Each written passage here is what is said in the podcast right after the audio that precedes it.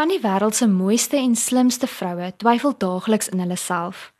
Ook Relien Strauss wat eens die mevrou Suid-Afrika en mevrou Wêreldkrone gedra het. Relien kuier vandag in Marula Media se ateljee om haar jongste boek Herontdek jou selfvertroue te gesels. Relien, baie welkom. Baie dankie, dis heerlik om hier te wees by jou, Christa. Relien, gebrek aan selfvertroue is iets waarom jy self verlang gesukkel het, selfs toe jy met 'n skitterblink kroon op die mevrou Wêreld verhoog gestaan het. Hoe was dit vir jou om so openhartig oor jou eie lewe te skryf?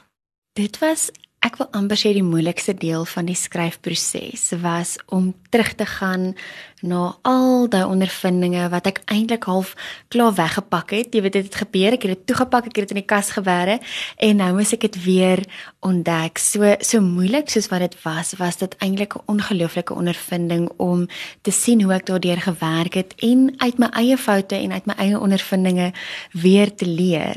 So dit was vir my 'n ongelooflike proses om dit weer eens te deel en ek het lank gewonder of ek so baie detail wil deel in my boek en ek het met 'n klomp mense daaroor gepraat, my uitgewer en ons het net besluit dat dit nodig is om in soveel diepte die dinge te deel sodat mense met verskeie deeltjies van my storie ook kan identifiseer voordat hulle die res van die boek deurwerk.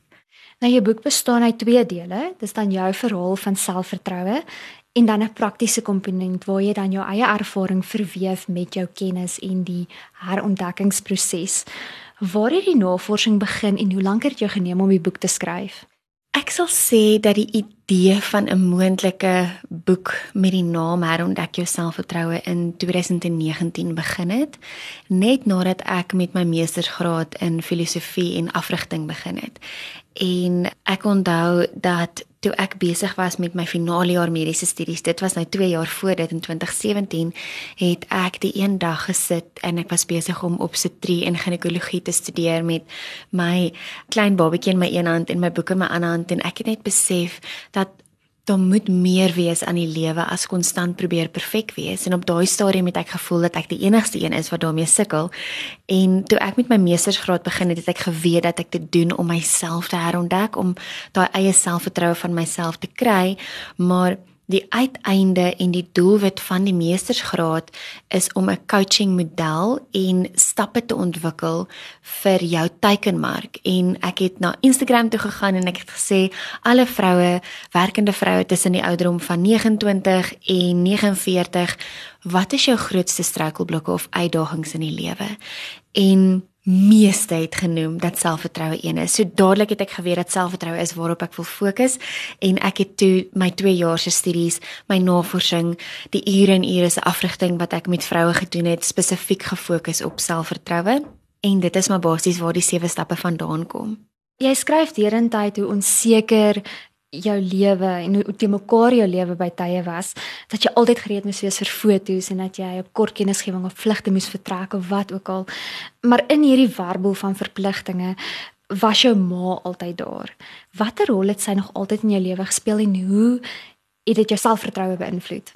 Jy noem dit so mooi dat my ma net altyd daar was en ek dink ek het nooit besef hoe groot rol sy in my lewe speel tot ek ook 'n mamma geword het, nê.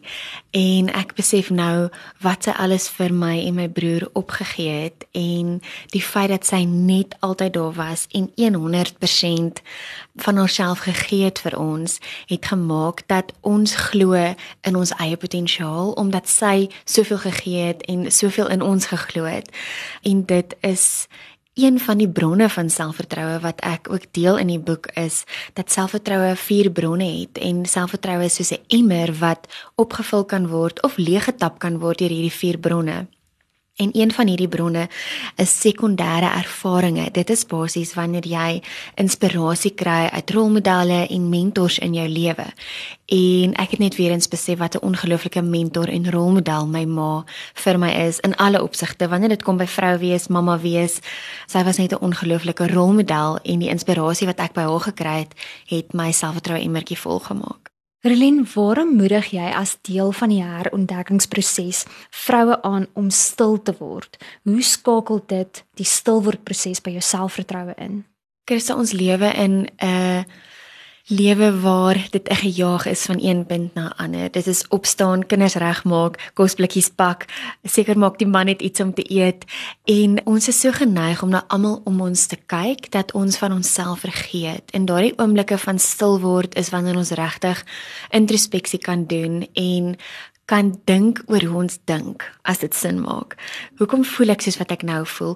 Wat beïnvloed my op hierdie stadium? Want daar kan weke en maande verbygaan wanneer mens nooit 'n gesprek met jouself gehad het nie en jy weet wat gebeur in 'n verhouding wanneer daar nie kommunikasie is nie. So net soos wat kommunikasie gebrek 'n verhouding beïnvloed tussen 'n man en 'n vrou of vriendinne, beïnvloed dit ook jou verhouding met jouself wanneer jy nie eerlik en openlik met jouself kan kommunikeer nie. Iets wat vir my treffend is, is dat jy lesers bemoedig deur te sê dat gewoontes of nuwe doelwitte nie aggressief benader hoef te word nie. Dat dit oukei okay is as jy nie dadelik maandagooggend wegspring met jou doelwitte en dit volhou nie, maar dat jy eerder groei en daardeur leer om gewoond raak daaraan.